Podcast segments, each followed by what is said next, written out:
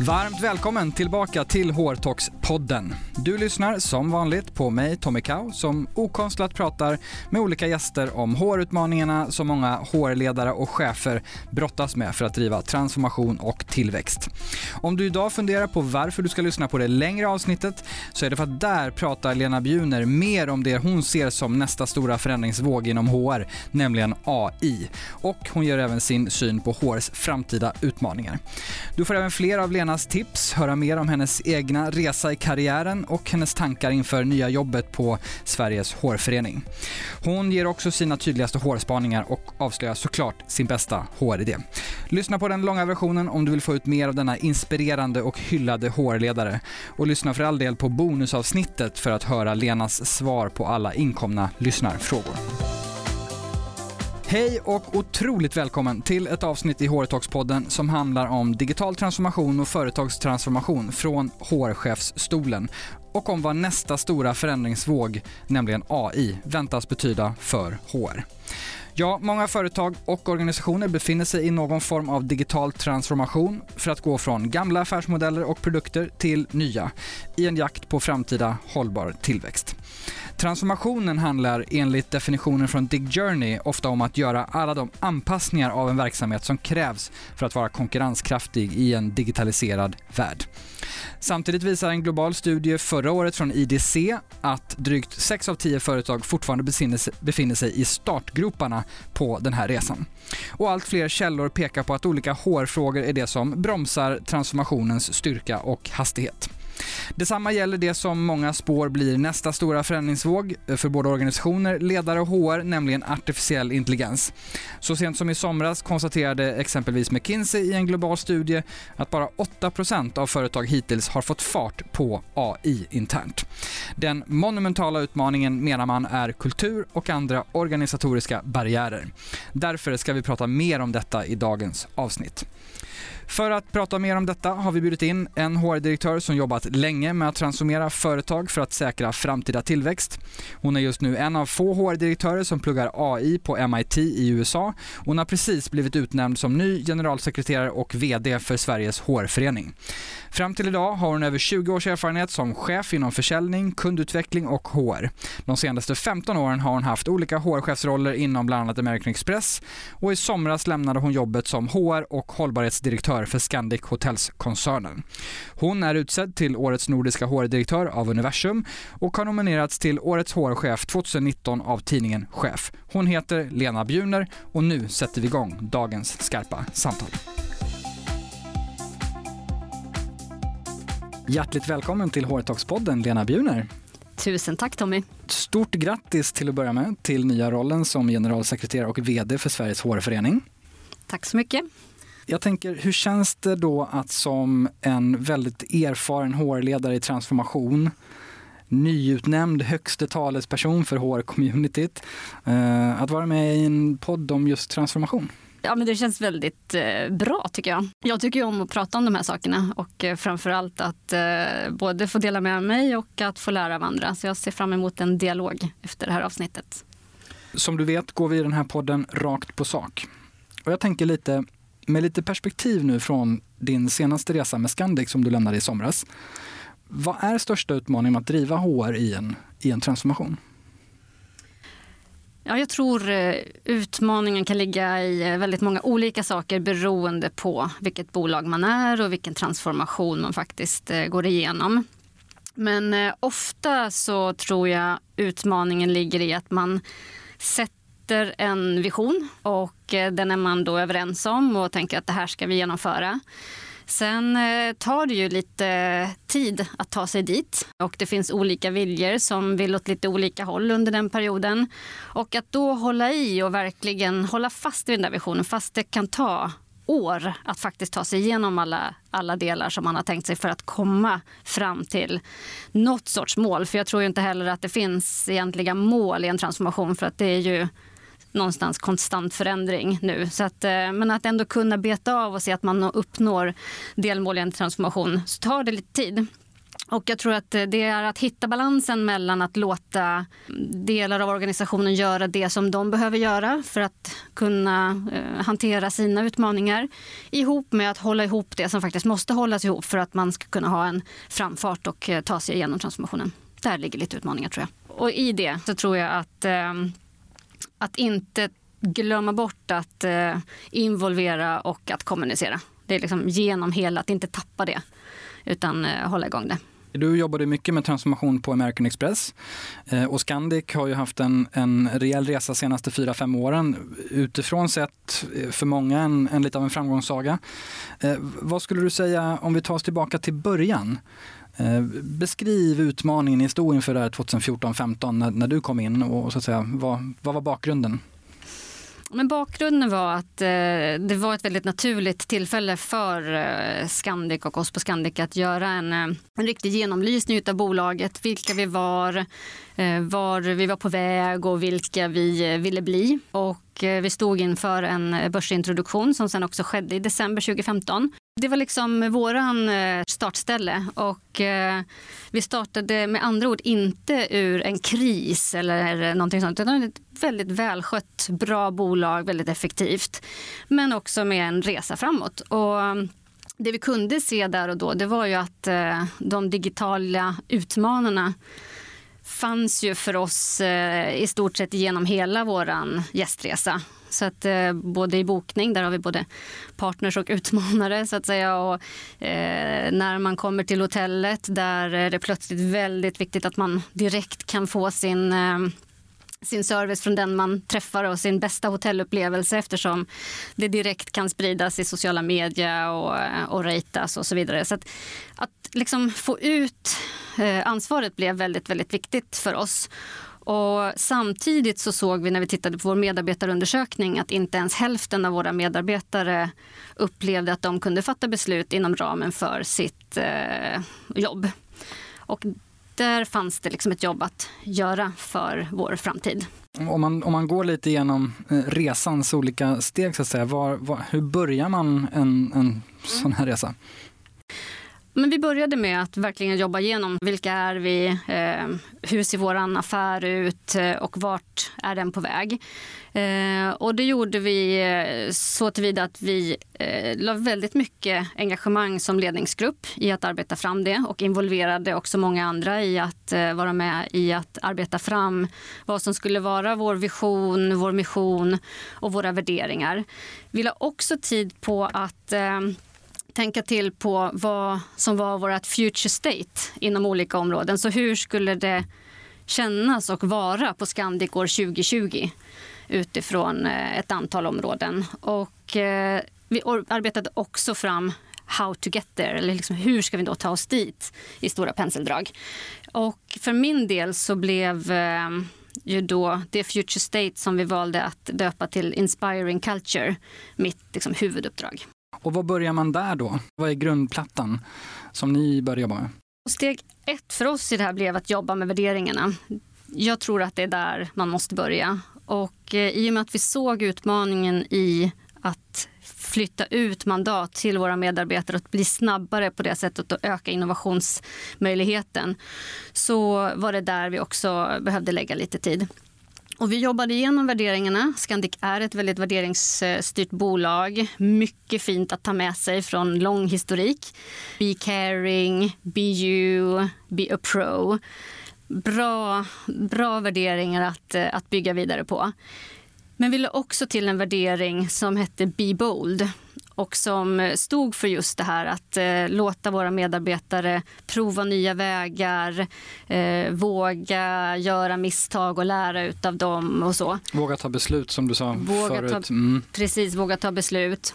Agera där och då i stunden när man ska leverera till gästen. Exakt så. Ja, exempelvis. För det var egentligen överallt i bolaget behöver vi eh, ut med mandatet för att det ska kunna gå snabbare och den som har kunskaper om ett område ska vara den som också kan driva det framåt.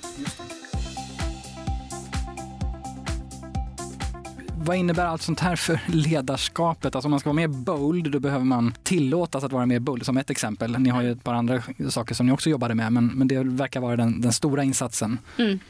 Ja, för att när vi tog ut värderingarna och eh, det gjorde vi eh, inte genom att bara då sätta upp affischer eh, ute i organisationen utan vi verkligen involverade alla våra medarbetare i att få jobba igenom vad betyder det här för mig, vad betyder det för mitt team, hur kan jag möta gästen genom eh, värderingarna? Och då kom det en väldigt tydlig feedback tillbaka till oss att om jag ska kunna leva alla värderingar Eh, inklusive Be Bold, så behöver det finnas ett ledarskap som verkligen inte bara tillåter det utan faktiskt uppmuntrar till det. Så att um, det blev en anledning för oss att börja titta på, på ledarskapet och uh, också där fanns det mycket att bygga vidare på. Men uh, men vi tog avstamp i hur ska vi göra det möjligt för alla våra medarbetare att kunna leva alla värderingar, inklusive Be Bold. Och eh, då byggde vi vidare på det bra som fanns inom ledarskapet på Scandic. Också där fanns det väldigt, väldigt mycket fint att ta vidare. Eh, men vi ville säkerställa att vi gjorde det lätt att göra rätt, att skala bort, att göra någonting som, som man kan ha med sig. För våra ledare sitter ju inte på kontorsstolar och har tillgång till en massa saker hela dagen, utan de är ute och rör sig i restaurangen, i receptionen. De är eh, fullt i operations. Fullt i operations, och då ska det liksom vara lätt att, eh, att göra rätt. Så att, eh, vi tog fram en, eh, en ledarskapskompass, har vi kallat den. Den består av eh, Build Trust som jag tror eh, är kanske den tydligaste hörnstenen i ledarskap. Att bygga förtroende, att skapa den här psykologiska säkerheten, att göra det möjligt att, att våga och, och, och connecta. Den andra är Inspire som då handlar mycket om varför gör vi saker? Eh, vad ska vi göra tillsammans? Eh, men sen att låta medarbetarna hitta vägen dit själva. Eh, collaborate. Eh, väldigt viktigt också i alla ledarskap och, och organisationssammanhang. Både att samarbeta inom gruppen eh, men också mellan avdelningar, mellan olika funktioner och få bort det här med silos.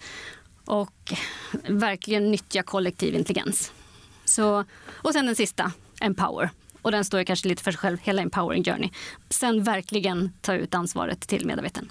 Och där vet jag att ni har pratat tidigare eh, bland annat om att, att, aktivera de 18 000 beslutsfattarna mm. som en, eh, ja nästan som en tagline kanske, men som en idé och en filosofi. Exakt. Det hänger ihop med den empowering journey. Ja, men så för att konkludera så tycker jag att ledarskapet och det som vi skapade och som det som jag verkligen själv står för det är ju Build Trust, Inspire, Collaborate och Empower. Och eh, det var ledarskapet. Så jobba genom värderingar, be more bold, möjliggöra boldness eh, i hög utsträckning via ledarskapet. Eh, vad, vad blev så nästa steg? Nästa steg för oss blev att titta på hur vi verkligen kan få den här kulturen att leva. Och där kommer ju lärande, feedbackkultur, eh, innovation in väldigt tydligt. Så vi tog en titt på vårt eh, LMS som vi hade på den tiden som eh, var väldigt långsamt. Det var långa, långa e-learnings Eh, som väldigt få gick. Och Eh, dessutom så hade systemet slutat att underhållas av leverantören så det var, det var lite knackigt dessutom. Så att det fanns en både en brinnande plattform att ta tag i det men det passade väldigt väl ihop med det vi vill åstadkomma i kulturen. Så att där och då tog vi oss en eh, riktig funderare på vad, vad kommer lärande att vara i framtiden? Hur, hur vill vi lära oss? Och eh, det vart väldigt tydligt eh, att vi vill ju lära oss på arbetet på samma sätt som vi lär oss i privata livet. Att eh, titta på, söka det man vill ha när man behöver det. Titta på korta filmer för att förstå hur man gör saker och ting. Eh, inspireras av andra. Så att när vi sen implementerade vårt nya verktyg för att få igång den här kulturen som vi ville ha så eh, gjorde det just de sakerna. Och parallellt med att vi tittade på, på lärandet så hade vår kommunikationsavdelning börjat se över vårt intranät och hur väl det mötte behoven i en organisation som höll på att ändra sin kultur. Och såg samma sak där och egentligen samma trender. Så vi eh, slog ihop oss och jobbade tillsammans och eh, implementerade en gemensamt verktyg för lärande och intern kommunikation. Mm, superspännande, för båda de driver verkligen kultur och beteende. Och vill man höra mer om hur ni har tänkt och jobbat kring eh, learning på Scandic Hotels under de här åren eh, och mycket av det ni har blivit hyllade för så kan man såklart lyssna på avsnittet med Siri Vikander och Lars Häggström där Siri som jobbar på Scandic berättar mer om det arbetet och hur ni har tänkt, vad ni har gjort och vad ni har lyckats med. Så fördjupar vi oss inte mer i det just här och nu. Och vad kan vi säga till lyssnare som nu funderar på hur man faktiskt får till det här? Det är väldigt många i en sån här resa som ska ta en del vågade beslut, satsa en hel del pengar. Vad var det som fick det att hända? Hur fick ni till det här att alla gick med på det ni ville göra när många upplever att man kanske står och stampar och kämpar? Vad var det som, som ni lyckades med tror du? Jag tror att eh utgångspunkten ligger där 2015. Att vi gjorde ett så grundläggande arbete tillsammans, hela ledningen, alla funktioner och också bestämde hur ska den här resan se ut och vart vill vi att vi ska komma. Så att det gjorde ju att vi hade en roadmap, om en lite, lite rough, att, att hålla oss till och som alla var med på. Så det tror jag var en stor, eh, en, en stor möjliggörare för oss. För det här passade så väl in i det som vi vill åstadkomma. Sen eh, tror jag en viktig sak är att, eh, ja, att involvera tillräckligt många. Att eh, få en möjlighet att vara med och tycka och tänka och se både, både centralt och lokalt och i olika funktioner så att man verkligen får in många, många aspekter. Sen tror jag att man behöver vara lite nyfiken och lite påläst. Eh, det ska liksom inte underskattas att kunna komma med fakta och, och kanske artiklar eller eh, data som, som visar varför en förändring skulle hjälpa oss framåt som organisation. Mm. Så att, eh, i kombination tror jag, en, en roadmap, eh, en tydlig vision, det ska passa in där för det ska ju stärka verksamheten. Det är därför vi ska göra saker, inte för någonting annat. Och eh, när det gör det, om man har fakta och underlag och kan visa på ett business case som faktiskt eh, ser bra ut, då, då kommer vi igenom. Och sen en eh, sak till som jag inte sa, men det är ju prioritera. För är det någonting som är jättelätt att det händer inom HR så är det att man sprider sig för tunt. Att man liksom blir och levererar på så många olika saker så att man kommer inte så mycket framåt. Och här jobbade ju vi varje år med att sätta vad som var vårat ett eller två stora saker som vi skulle åstadkomma varje, varje år egentligen. Big bets. Big bets. Och, och de tog vi fram inom HR och var överens om inom HR. Eh, vi också tog beslut eh, kring dem i koncernledningen och så jobbade vi från dem. Och då kunde man liksom säga nej till lite andra saker, för de här sakerna har faktiskt sagt är de allra viktigaste. Och jag tänker att om man gör en sån här transformation, vare sig det startar i kris eller, eller mer kanske möjlighet, som i ert fall, så vill man ju kanske gå in och mm, jobbar jobba med lite alla olika delar av, av HR och andra områden också. Eh, ni har gjort det i en viss ordning och det finns ju andra som kanske gör en helt annan ordning. Men, men hur ser du, måste man göra det i den här ordningen som ni har gjort? Jag, jag tror att man måste börja med kultur och ledarskap. Det tror jag liksom det är svårt att börja i någon annan ände. För om inte det står bakom och är, eh, är i kontakt med det som man vill åstadkomma så är det väldigt, väldigt svårt. Så där tror jag faktiskt att man måste börja. Om man inte redan har det på plats så som man vill ha det, då är det ju fantastiskt. Då kan man ju gå vidare därifrån. Men om det finns saker som man måste ändra i kultur och i ledarskap så är det där man måste börja. Och sen så, sen tror jag att man kan ta lite olika vägar, lite beroende på vad som är viktigast för just eh, det här bolaget eller vad det är som är eh, kanske mm, ja, men mest eh, mest fokus på eller som skulle göra störst skillnad för affärsresultatet. Så där tror jag att man kan ta lite olika steg vidare sen. Och ni kom egentligen eh, lärande, kommunikation lite grann, talang, mm, som paketeringen, employer branding och de bitarna. Och sen är det, det kan man väl vara öppen med att säga också att det finns saker som ni inte har hunnit ta i, eller som, som ni inte hann ta i, åtminstone fram tills att du lämnade. Helt korrekt. Ja, definitivt. Det finns många saker och det är väl det som är just grejen. Att det är ju, kliar ju i fingrarna att sätta igång med massor med saker eh, direkt och hela tiden. Men eh, ska det hända och ska det liksom göra en skillnad så måste man hålla i det som man har eh, har tänkt att man vill åstadkomma. Och vad kan man, så här i efterhand, nu har det gått fyra år, lite drygt. Vad kan man se för resultat av allt det här arbetet ni har gjort? Vi har ju kunnat mäta resultat eh, från det att vi började att jobba med det här. Men de har hela tiden utvecklats år för år, vilket har varit det som har varit otroligt inspirerande. Och de resultaten vi ser är ökat medarbetarengagemang genom hela organisationen. Eh, vi ser eh, ökad innovation eller eh, våra medarbetare säger att om jag kommer med en idé så tas den om hand. Stor ökning på det. Så den känslan? När känslan, man blir till mm. precis. Och vi ser också det som var utgångspunkten, det här med empowerment, om jag kan fatta beslut, har också ökat genom hela organisationen och markant. Så där ser vi liksom interna resultat utifrån jobbet. Vi ser också resultat hos våra gäster och i deras gästnöjdhet. Eh, vårt NPS har också höjts under den här perioden och eh, över liksom hela bolaget. Så trevliga och tydliga resultat. Om man drar ut den här förändringsresan som, som du hade förmånen att jobba med under ett antal år på, på, på Scandic, eller egentligen som, som HR-direktör generellt. Om man drar ut den förändringsresan, vad ser du kommer vara nästa stora våg för, för HR och i transformation. Nästa stora våg kommer att handla om AI och möjligheterna som vi eh, kan se när det tillämpas allt mer i framtiden.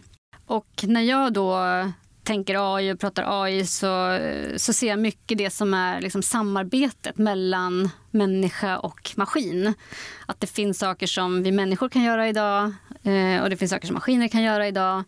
Men det finns saker som vi kommer kunna göra som vi inte kan göra idag om vi samarbetar och tar ut det bästa av båda.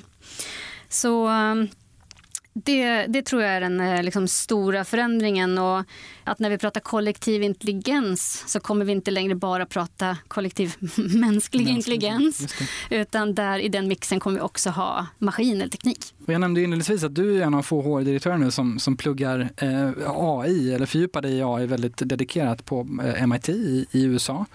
Och kan ju beröra det lite grann, men om man först bara så här, gör en snabb orientering kring AI. Du sa att det finns olika typer av AI. Hur, för att man ska förstå som lyssnare, hur utbrett är AI? Eh, vad, vad ser man händer? State of the Union om man säger så för, för AI. Ja, men AI finns ju idag, men eh, i ganska begränsad omfattning skulle man ju kunna säga. Eh, men vi använder det ju idag i Google Translate till exempel eller eh, när man lägger in någonting i sin kalender och ska åka någonstans så får man plötsligt förslag på hur man bäst tar sig dit och så vidare. Så vi är ju liksom lite omgivna av det redan idag. Men jag tror att framåt så kommer det ju att öka och öka användningsområdena finns överallt och kommer att, eh, att börja appliceras eh, i allt större utsträckning. Och jag tror att om man sitter på ett bolag så blir det viktigt att hålla ihop det här med vad är vår affärsstrategi och hur kan AI hjälpa oss dit? Det är ju ingenting som är en egen del utan det ska ju hjälpa bolaget att nå de resultat som man har tänkt sig att man ska göra. Och de två huvudområdena där är väl att antingen differentiera så att med hjälp av AI kunna differentiera sitt erbjudande eller att eh, med hjälp av AI kunna göra, effektivisera och bli ledande inom kost, kostnadssidan. Man pratar ju mycket om att AI, och det finns massa prognoser som säger att AI kommer ta våra jobb och, och roller kommer slås ut och så vidare. Hur dramatiskt ska man se på det där tycker du om man lyssnar och är HR-direktör eller HR? Jag eh, tycker kanske att man ska avdramatisera det hela lite grann. Jag tror att de här eh, lite dystopiska eh, förlagen ligger möjligen väldigt, väldigt långt fram i tiden. Jag tycker mer att man ska se det som en, en möjlighet och jag tror när man tittar i bolagen så tror jag snarast att det är uppgifter som kommer tas över utav AI kanske inte så mycket hela roller utan uppgifter från olika roller som som kan göras på ett mer effektivt sätt med hjälp av AI. I och med det så kommer liksom roller att göras om och i och med det så kommer organisationer att behövas göras om. Så det, det, är ju en väldigt, väldigt spännande HR-dimension i den biten skulle jag säga. Men även i att AI är ju liksom lite av en ny eh, teknik på så sätt att den kommer så nära oss. Så därför blir ju HR och allt som har med etik, moral och hur vi, liksom, hur vi applicerar det här och vad vi vill få ut av det jätteviktigt innan man sätter någonting i, i verket. Så inte bara springa på teknikmöjligheterna med, med AI. Gå lite tillbaka till också McKinsey-studien från i somras där man konstaterat att det, det är kultur och organisationsbarriärer. Och sen säger inte de uttryckligen massvis med HR, men liksom om man läser in vad det är för frågor mm. så är det väldigt mycket det som HR jobbar med. Mm. HR är mycket viktigare i den här teknikförändringen tror jag än vad vi har varit tidigare. Eh, I och med att det kommer så nära och har, har ganska mycket implikation på på aspekter som, som är liksom vårt eh, område och människor och, eh, och eh, det bästa för, för medarbetarna. Tror du man förstår det eller ser det, inser det? Om, man är, om du tittar runt i både HR och kanske i företagsledningsvärlden? Jag tror att det finns de som som ser det, men jag tror också att det finns många som tycker att AI verkar eh, ja, men krångligt och svårt och, och, lite svårt att få grepp om. Och jag var en av dem. För att jag, jag var ju i Almedalen i somras och där såg man att eh, det som alla pratade om. Det var nästan insticket ett litet AI i alla debatter. Ja, det är helt korrekt. Det var det och gigekonomi ungefär som var, ja, det var det allt handlade om. Och learnability. Och learnability, ja. ja. precis. Och jag kände själv att jag, jag jag greppar inte det här helt och hållet, eh, vad exakt det är faktiskt och hur det påverkar och vad är HRs roll.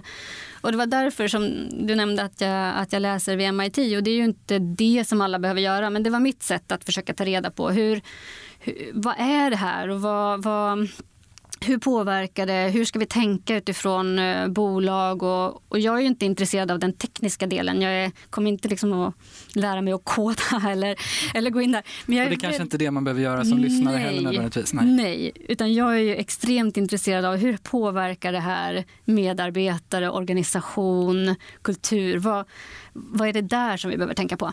Eh, men för att kunna förstå det så, så vill jag liksom djupdyka i ämnet. Så det, den eh, kursen jag går heter ju AI as part of business strategy eller någonting i den stilen. Och eh, ja, men det har varit väldigt givande. Jag nämnde inledningsvis att många bedömer att robotar kommer ta över våra jobb. Hur ser du på det? Jag ser, eh, så som jag tror, eh, så är, blir det här något av de tidigare tekniska utvecklingarna som vi har sett. För den här diskussionen har ju funnits vid många tillfällen. Till exempel när datorn kom så var det många som var oroliga att den skulle ta bort allt jobb. Men jag tror datorn har tagit bort delar av vårt jobb. Men på det sättet har ju människor fått möjlighet att bygga innovation på det och bygga vidare på det. Så det här jag tror liksom samarbetet när man kan nyttja det bästa av båda världar. Det som vi är bäst på ska vi göra och det datorer och i, nu fall, i det här fallet AI är bäst på att göra ska AI göra. Men, eh, men jag tror att eh, det kommer vara liksom en evolution tillsammans. Vi hade eh, Katarina Gospic, hjärnforskaren här i ett tidigare eh, avsnitt och eh, då jämför hon mycket AI-revolutionen med mobilrevolutionen och det är väldigt få som för tio år sedan skulle offra sitt lillfinger för att få behålla mobilen. Och nu säger hon att i stort sett alla räcker upp handen när hon frågar om det.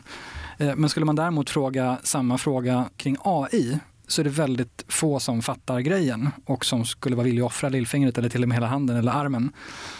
Men att vänta bara fem år, säger hon, så kommer vi ha den relationen till röststyrning, kommandon, sån här assistenthjälp på olika sätt. Eh, vad, vad, vad, ser du i det där? Ser du samma sak eller vad, vad tror du? Ja, i det fallet så skulle jag säga att jag ser samma sak. Och hon kan säkert betydligt mer om det här än vad jag kan. Men, ehm, men just så, jag tror att vi kommer alla kunna få lite av en egen eh, assistent som kan hjälpa oss med olika saker. Och liksom så beroende som vi har blivit av telefonen som vårt eh, hjälpverktyg så tror jag att det här kommer på samma sätt eh, bli vår hjälp. Jag ser det inte dystopiskt, jag ser det mer som en, en möjlighet. Och man kan ju säga då, för att vara lite nykter, så kan man säga att AI finns ju redan i HR på olika sätt, även om liksom experterna skulle konstatera att det är AI light. Men det finns ju inom rekrytering och det finns inom performance och ett antal andra områden. Men om man blickar lite framåt, och du var inne på det kring kompetenser, men om man blickar framåt vad AI verkligen kommer betyda för HR-skråt, vad, vad ser du om man ska ehm, konkretisera det lite grann? Men jag tror, eh, ja, precis som du säger, där vi ser det idag är ju framförallt i rekrytering skulle jag säga och i en del administrativa mm, hjälpmedel och eh, robotics på det sättet. Men eh, jag tror för HR på samma sätt som för resten av en organisation så kommer vi ju att se att delar av våra roller görs bättre utav eh, AI-support och det kommer nog ligga liksom lite i, i princip i alla delar. Och, eh, och andra delar görs bäst utav oss människor. Och, eh, och vi kommer få liksom transformera på samma sätt som resten av organisationen. Men vi har ju dessutom den viktiga rollen skulle jag säga att verkligen kliva fram och och hjälpa organisationen som helhet att försöka förstå och se var det här är på väg och vilka, vilka delar i just min organisation skulle kunna göras av AI. Och, eh, på så sätt göra en långsiktig plan, inte ensam utan tillsammans med många andra, bland annat IT men andra också från organisationen. Men så att man liksom tar ut lite sikten för det här och kan göra en grov planering för hur den här resan skulle kunna se ut och därmed också se till att se var kan vi göra reskill och upskill eller omskolning för att på så sätt faktiskt eh, hjälpa medarbetare också med på den här resan. Och det är ju ett område som ju verkligen är HRs ansvar eller åtminstone område att, att driva kompetensförsörjning och skifte. Och det är ju lite intressant för att när vi, jag var med och startade Sveriges första internetkonferens för HR-chefer 2012 och då pratade vi väldigt mycket om den unika rollen som HR. Dels handlar det om att få HR att älska teknik, vilket inte alltid har varit. Och vi pratade väldigt mycket då eh, och de nästföljande åren om möjligheten med att HR ska driva organisationens digitalisering men också sin egen. Och då pratade vi lite mer brett kring digitalisering. Nu kommer diskussionen mer och mer hamna om inte brett digitalisering utan AI. Och precis samma sak där. AI-fiera HR själva och att man måste göra lite både och. Och att HR har en, en ledarroll även här att, att, att ta. Um. Ja, jag håller helt med. Och till det också den här rollen att tänka på de, eh, de etiska och moraliska aspekterna. Eh, också en jätte, jätteviktig roll. Eh, som också blir tydlig om man sätter sig och börjar fundera på vad som kommer hända framåt för just min organisation. Vilka ställningstaganden behöver vi ta? Och det här är inte alls lätta frågor men, eh, men värda att börja och fundera kring. För det blir ju sån effekt på AI och det måste vi ha med oss. Där finns det ju, ja men det är som att såklart släpper vi inte ut självkörande bilar hur som helst och testar om det funkar och de kraschar eh, runt på vägarna. Utan det gör, kräver jätte, jätte, jättemycket jobb och, och tankemöda och så innan vi, innan vi går dit. Och vi har ju inom vårt eget eh, skrå eh, Amazon som byggde AI på på eh, data, för, för rekrytering så byggde man data på historiskt eh, vilka som hade framgångsrikt eh, fått olika roller och tänkte inte då på att historiskt så hade det varit många män som hade lyckats. Och det var en fråga som man jobbade jättemycket med att, att få större diversity. Men när man byggde det bara på historisk data så blev det ju de, de, manliga komponenterna precis som, som blev drivande så att då blev de bara leta efter, efter män framåt. Så, så det gäller liksom att tänka till. Eh, den där drog de ju tillbaka och jobbar säkert fram något jätte, jättebra framåt. Men, eh, men just att det, det, ja, det kommer kräva lite tankemöda. Och samtidigt så kan man inte dramatisera det här för mycket. Eh, för att det handlar också om att komma igång och, och, och börja jobba med det här på något sätt. Vad, vad, tycker du att man som HR och som lyssnare kan, kan göra nu efter det här samtalet eh, som vi har? Jag tror det ligger väldigt mycket i att, eh, att vara lite nyfiken, att eh, läsa på. Jag har själv inte gjort den ännu men jag har sett att allt fler eh, visar att de har gjort den. En, en utmaning som, som Finland gav oss kring att lära oss om AI. Jag tror att det är två poäng eller någonting, universitetspoäng som man mm, kan ta gratis online. Det kan vara ett sätt om man vill, vill förstå det lite, lite mer och vad det är. Eller bara läsa artiklar, lyssna på poddar, vara nyfiken och ställa frågor framför allt. För det är ju så lätt att man känner någonstans att Åh, det här borde jag säkert kunna. Men eh, bort med allting sånt. Applicera ett growth mindset eh, och försök att bara lära och förstå så mycket som möjligt. Ställ frågor och testa och lär. Eller ja, testa, kanske inte börja testa en AI-lösning direkt. Men det kan man göra. Testa, testa dina hypoteser och diskutera med andra som kan, eh, kan vara med och tänka. Mm, och, man, och komma igång på olika sätt. Och man kan ju testa i det lilla. Vi har pratat jättemycket i den här podden tidigare också om eh, att faktiskt komma igång och göra och att pilottesta i det lilla. Eh, och man, man, måste inte gå en, en, eh, en MIT-kurs i, i USA. Eh, man kan eh, göra det på många olika sätt. Definitivt. Men om man tittar lite framåt då, vad ser du mer för utmaningar framåt för HR, för, förutom AI som vi har pratat lite om nu? Ja, men jag ser att det händer otroligt mycket runt HR just nu. Några av de absolut största frågorna är på våra bord. Och eh, det är ju utmaningar, men det är också en möjlighet för oss att eh, ta oss an dem. Och det jag tänker på är dels att demografin förändras ju otroligt mycket. Människor i arbetsför ålder kommer dramatiskt att reduceras under de närmaste åren. Vi som är i arbetsför ålder kommer att behöva jobba längre och hålla längre och samtidigt ökar pressen. Så att det eh, finns eh, hållbarhetsutmaningar i det. Jag tänker också på mångfald och både traditionell mångfald i det faktum att vi är fler generationer ute i arbetslivet nu än vad vi någonsin har varit. Olika etnicitet och annan typ av den här traditionella mångfalden finns, eh, finns ute på våra arbetsplatser. Men också, jag skulle bredda mångfaldsbegreppet för att det är även olika anställningsformer som kommer bli allt viktigare. Vi har lite så här kallat det medarbetare och konsult men det här kommer ju bli ett spektra av människor som, som blir en mångfald på det sättet. Och jag, oavsett vilken aspekt vi tittar på så kommer inkludering att vara helt avgörande för att lyckas. Så, och sen vi har varit inne på AI, men liksom hela digitaliseringen ställer ju krav på på oss, eh, inte minst inom det här med omskolning, upskill och reskill. Där eh, jag läste någonstans att över hälften av oss som arbetar idag kommer att behöva på ett eller annat sätt omskolas eller tillskolas för att eh, vara relevanta redan år 2022. Vi kommer tillbaka till learnability och Learn. learning som vi pratar mycket om. Mm. Exakt, precis. Otroligt eh, viktigt. Eh, och hela bolagen behöver ju ställa om skruva, omorganisera, Eh, operera på ett nytt sätt. Eh, och sen inte minst inom kompetensförsörjning på ett helt annat sätt idag än för ett antal år sedan så konkurrerar vi om samma kompetens som ska göra det här magic inom digitalisering, AI och så.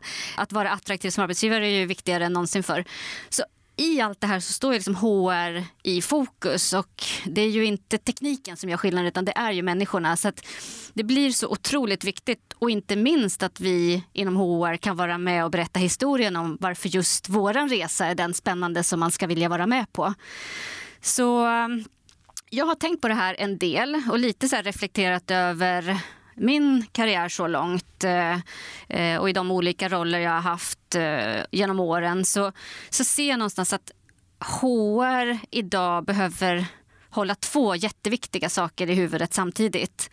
Det ena är vad jag skulle kalla profession och det andra innovation. Och när jag säger profession då menar jag de delar som, som är core HR. Det är arbetsrätt, och det är att kunna förhandla med facket, det är arbetsmiljöfrågor och det här som, som vi måste liksom spänna över och ha koll på. Där kan vi skruva, vi kan göra det lite mer effektivt, vi kan outsourca som jag har testat eh, eh, på American Express. Vi kan göra det på andra sätt. Det finns olika sätt att, att liksom bli lite bättre men det är core-kompetenser som vi måste ha. Men sen tror jag att vi behöver lägga allt mer tid på innovation och i det tänker jag just att titta på kultur, titta på ledarskap. Skapa den där ständigt lärande organisationen som vi kommer att behöva ha för att lyckas framåt. Och eh, här tänker jag att vi behöver se lite på vad är det vi gör idag, bidrar det till att bolaget utvecklas eller är vi ibland så att vi bromsar? Vår performance management-process till exempel, eller hur vi hanterar talent management. Är det en möjliggörare eller är det en broms. Och det här är ju olika för olika bolag så jag har inget eh, recept eller eh, svar på det. Men, men att vi inom HR vågar ställa oss de här frågorna och utmana oss i och kontinuerligt utmana oss i vad vi inte kan göra, göra annorlunda. Inte göra var, var, var tredje eller var femte år i, i samband med Exakt. big bets eller strategiprocesserna utan hela tiden. Hela tiden utmana oss. Och, eh, och det är det här också tillbaka till till mitt nya jobb då som jag verkligen hoppas att vi ska kunna engagera oss i tillsammans inom HR-föreningen eh, och diskutera och våga liksom ställa oss de här frågorna ihop. Superspännande spaningar kring eh, framtida utmaningar. Det, det, finns en hel del kan man konstatera på HRs bord att, att, att, att ta i. Utmaningar och möjligheter. Vi har kommit till tipsdelen. Om vi helt enkelt skulle skicka med lite tips, råd och reflektioner till, eh, till den som lyssnar. Och det kör vi lite rappt och snabbt. Om du skulle ge tips på en sak att göra när man driver HR i transformation, vad bör man då göra? Eller vad skulle det vara? Applicera ett growth mindset och eh, gör det så att alla runt omkring dig också har möjlighet att göra det. Och med growth mindset så menar jag just att inte se saker och ting som, eh, som eh, problem och utmaningar utan möjligheter att lära, ställa frågor, vara i det här lärandet tillsammans och se misslyckandena på vägen som en möjlighet till att, att lära ytterligare och försöka vara i det mindsetet. Så, för det kommer förändras så mycket. Det kommer komma nya infallsvinklar, ny information som man behöver eh, se till och lära av. och så. så att applicera ett growth mindset. Vilken risk ska eller bör man då undvika mest? Det har vi varit inne på också, men jag tror att det är att inte göra. Att stå still. Att stå still, för resten rör sig. Så att eh, våga, ja men man kommer tillbaka till det. Där kommer growth mindset in. Stå inte still, våga, testa, fråga eh, och rör dig. Vilka organisationer, företag eller andra typer av organisationer eller personer tycker du verkar göra det här eh, väldigt bra med HR-transformation? Som du kanske sneglar åt eller man kan inspireras av om man lyssnar? Mm. Och för det första tycker jag att det här är en av de stora ynnesterna med mitt nya jobb. Att jag kommer att få möjlighet att lära känna så många olika bolag och personer och förändringar i gång och, och få möjlighet att, att se på dem. Så det, eh, jag ser fram emot att kunna bredda min, eh, mina insikter på det sättet. Om jag skulle se på det som jag ser idag så har jag sneglat mycket på eh, Telia och där både det jobb som eh, Cecilia gör inom HR, som jag... Eh, Cecilia Lundin som Cecilia är HR-direktör. Lundin, mm. precis, eh, som jag verkligen beundrar. Och, men även Hel Barnekow och det som hon har bidragit med på Telia och numera på Microsoft. Några mm. organisationer och personer. Sen snappar man upp saker lite här och där som, som man blir nyfiken på. Och slutligen, vilken bok tycker du man ska läsa eller lyssna på om man ska fördjupa sig mer i ämnet transformation brett kanske, eller digital transformation eller kanske rent av AI? Ja, eh, jag har några olika tips som, eh, som jag har läst. Det finns säkert massor med andra bra böcker och, och så som man kan ta del av. Men jag tycker Agile People som eh, har skrivits av Pia-Maria Thorén tycker jag är en bra HR-guide för, för transformation och digitalisering. Ehm, jag tycker Talang för människor av Kajsa Asplund tycker jag också var bra inom en del av det här förändringsområdet. Ehm, sen tyckte jag väldigt mycket om om man skulle liksom se vdns aspekt och kanske vilka krav som en vd kan ställa på HR i en sån här transformation så tycker jag Restart med Helene Barnekow som vi pratade om tidigare tycker jag också är väldigt, ehm, väldigt bra på det sättet. Sen AI, där måste jag säga att jag har inte läst eh, massor av AI-böcker. Men eh, en som jag har kommit eh, en bit över halvvägs i och som jag definitivt kommer att läsa ut det är den som heter Liv 3.0 som eh, har skrivits av en svensk AI-forskare, en av de främsta AI-forskarna, Max Tegmark. Eh, den tycker jag är riktigt bra.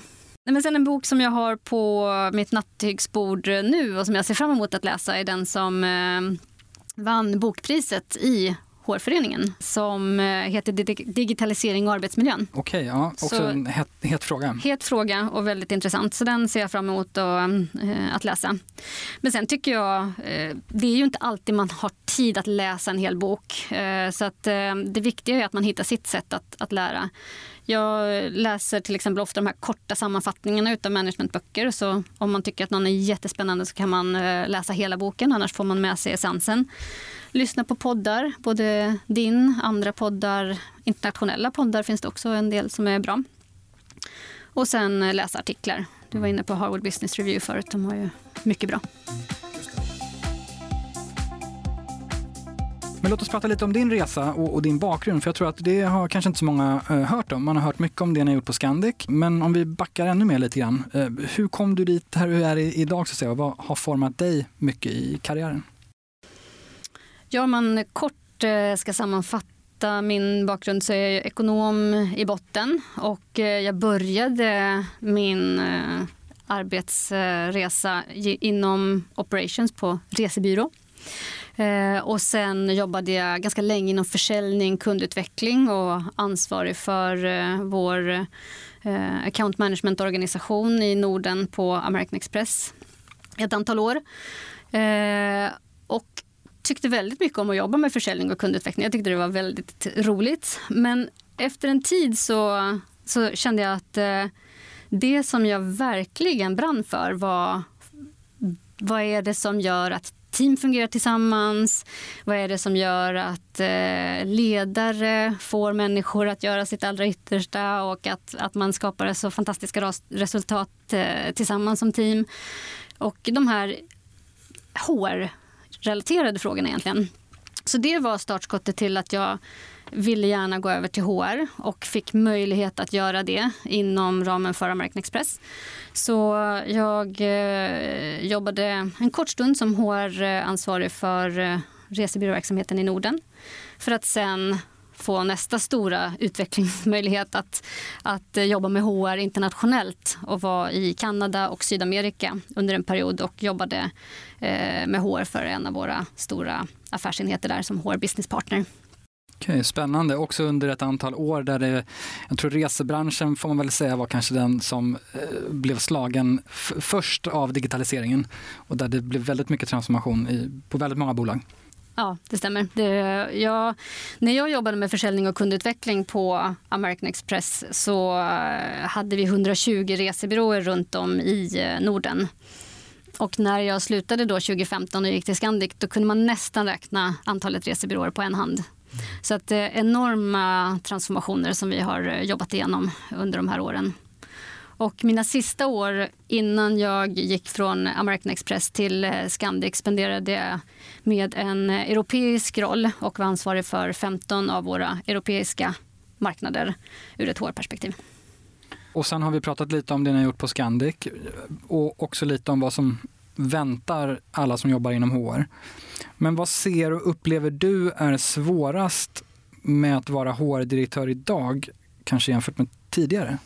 Och för det första så tycker jag verkligen att vara HR-direktör är ju ett väldigt stort och ganska svårt jobb. Just för att det spänner över så mycket och eh, det finns så många förväntningar från olika håll på vad HR ska vara och vad HR ska göra. Så att det är, eh, och så tror jag att det har varit. Det tror jag inte är nytt, utan så tror jag att det har varit alltid.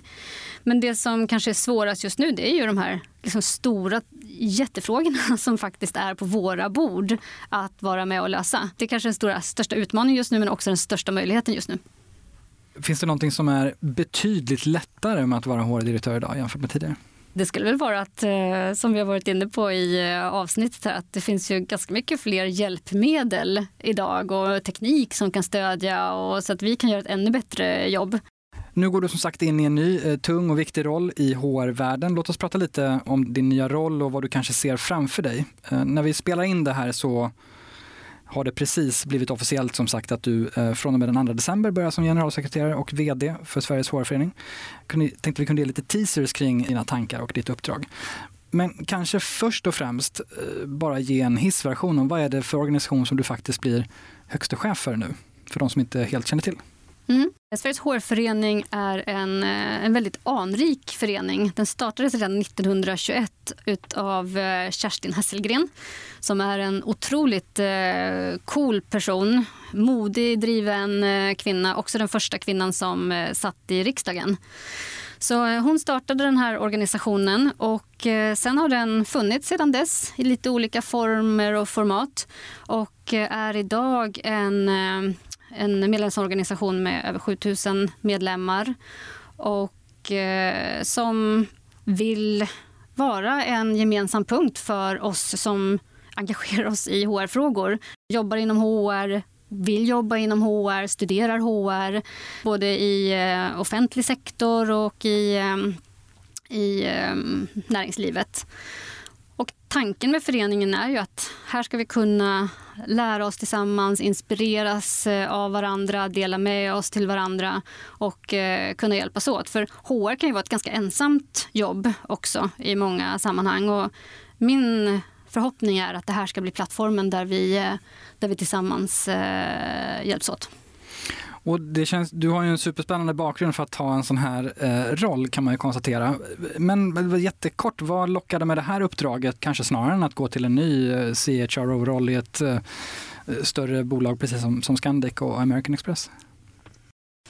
Det som lockar mig är att jag kommer få möjlighet att 100% fokusera på den frågan som jag är passionerat eh, intresserad av, nämligen hur kan HR vara med och driva och göra skillnad. Och mm, det får man göra i ett bolag om man är CHRO. Men här får jag möjlighet att jobba med så många andra och i så brett eh, spektrum att få, få, driva och jobba med den frågan. Så det, var, det var helt enkelt förlockande eh, för att inte vilja göra det. Och vad, vad, kan du säga nu eh, när man lyssnar på det här så är det ungefär någon vecka in, tills du börjar. Men vad tänker du inför nya uppdraget? Vad ligger framför dig? Ja, men, eh, bra fråga. Jag tänker att eh, det är lätt att komma in och tycka att man vet en massa saker, har eh, meningar om olika delar. Men jag har lärt mig eh, genom åren att börja i en annan ände. Så att jag är våldsamt förtjust i den här gamla heliga 90-dagarsplanen. Så de första 30 dagarna tänker jag ägna åt att eh, bara lära känna så många som möjligt, lyssna, ställa frågor, förstå eh, hur saker fungerar, varför och vad, ja, de som kan en massa om de här sakerna som jag inte kan idag. Så att jag börjar 2 december, så jag tänkte liksom använda december åt, eh, åt det.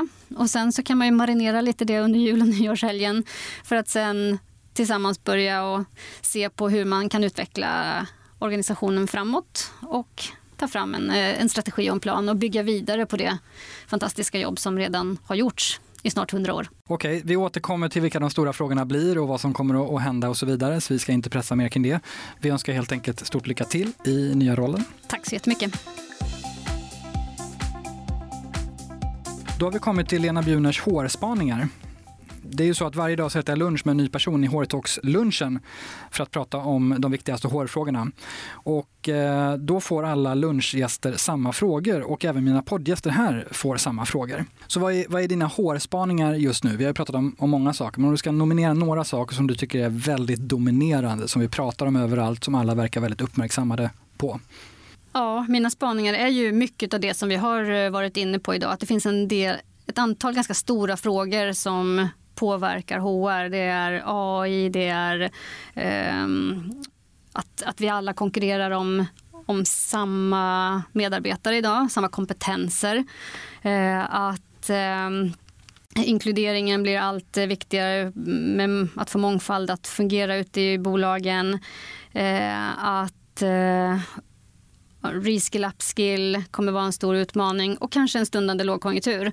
Så att för mig är det lite den här mixen som är min spaning. Att det är stora frågor, stora möjligheter och att jobbar man med HR så behöver man fundera på hur ser vårt nuläge ut? Hur kan ett framtida läge se ut och hur är planen dit?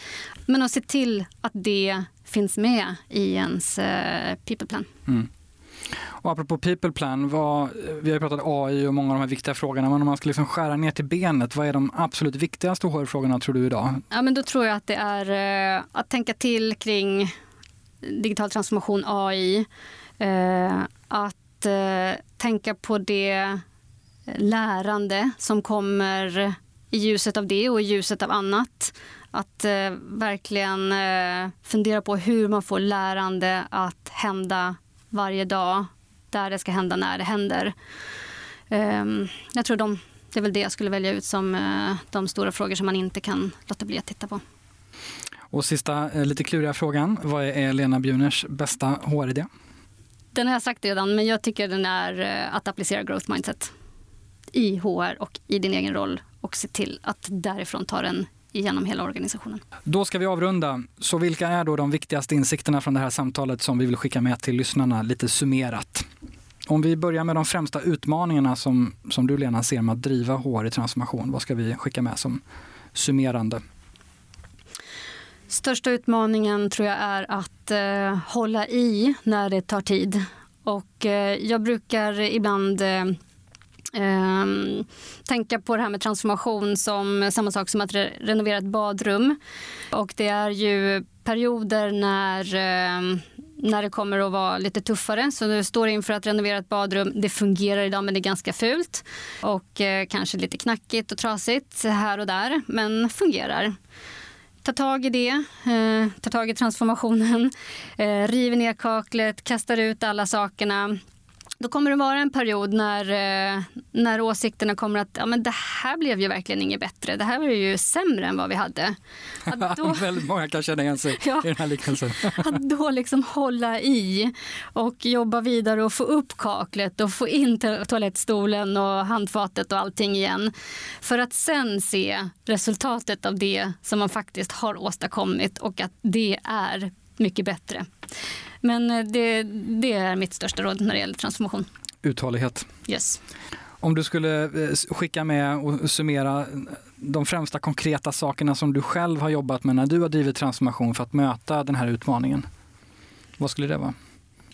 Ja, men det skulle vara det som, som vi har pratat om, att, att eh, tillsammans besluta vad det är som är agendan och vad det är man vill uppnå.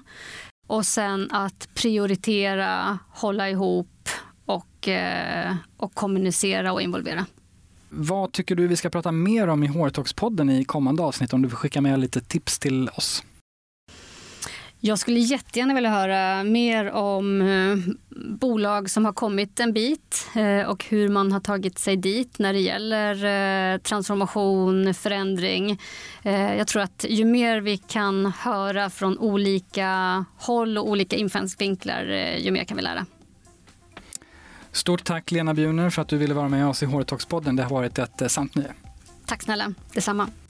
Det var ännu ett skarpt samtal i HR-talks-podden. Stort tack till dig som lyssnat och vill du höra svar på lyssnarfrågorna så ska du klicka in på bonusavsnittet med Lena Bjuner, alltså tillträdande generalsekreterare och VD för Sveriges HR-förening. Gillar du podden kan du prenumerera på den i Apple Podcast eller Spotify och följ oss mer än gärna på HR-talks-podden på Instagram och LinkedIn. Hårtalkspodden ges ut av Kao Company, produceras av Mediemera och du hittar som vanligt all info på hårtalkspodden.se. Tack för idag.